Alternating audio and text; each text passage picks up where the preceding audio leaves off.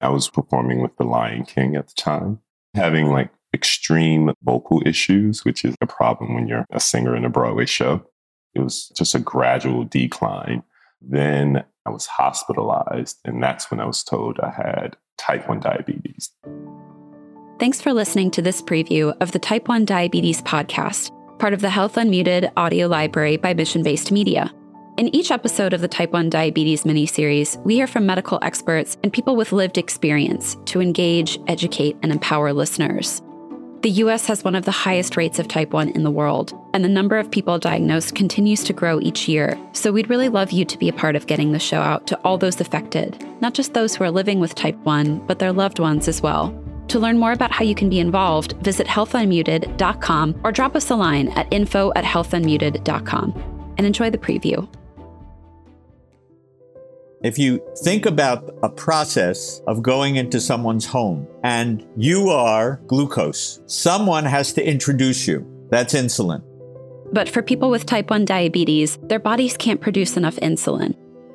Without insulin, there is too much glucose in the bloodstream. It slows down the flow of blood. No glucose gets into the cell, and those cells die. Over time, that can have some pretty serious consequences. I was diagnosed with type 1 diabetes when I was 12 years old. In this series, we'll hear from people with diagnosis of type 1, like Jennifer Schneider, a healthcare executive.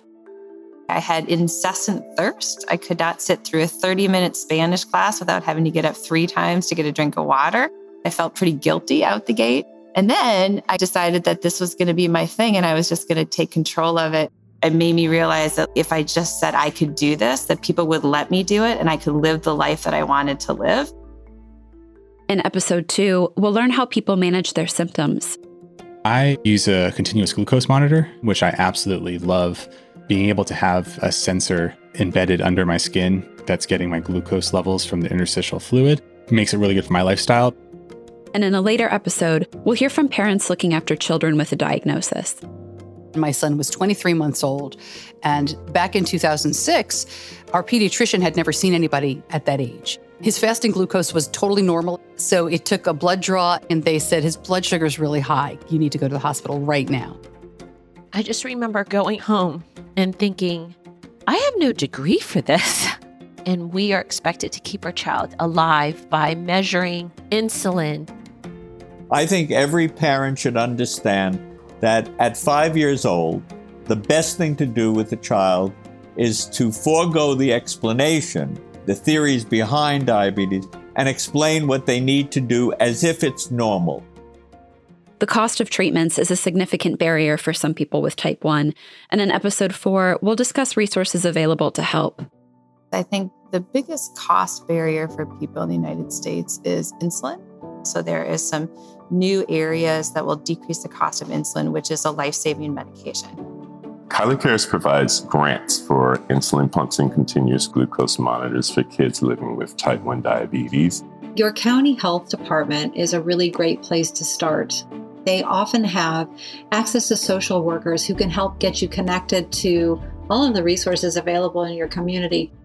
And throughout the series, we'll bust some of those pesky myths, including that people with type 1 can't eat sugar you have to educate them that no, actually, I can eat anything I want. I just have to take the appropriate amount of insulin. And most importantly, prove that having diabetes doesn't stop someone from being active or living a full life. I have 10 Olympic medals. I'm in the Olympic Hall of Fame. If you aggressively manage your diabetes, you can continue doing the things you were doing before you were diagnosed. Don't let diabetes stop you. Go out there and live a great life.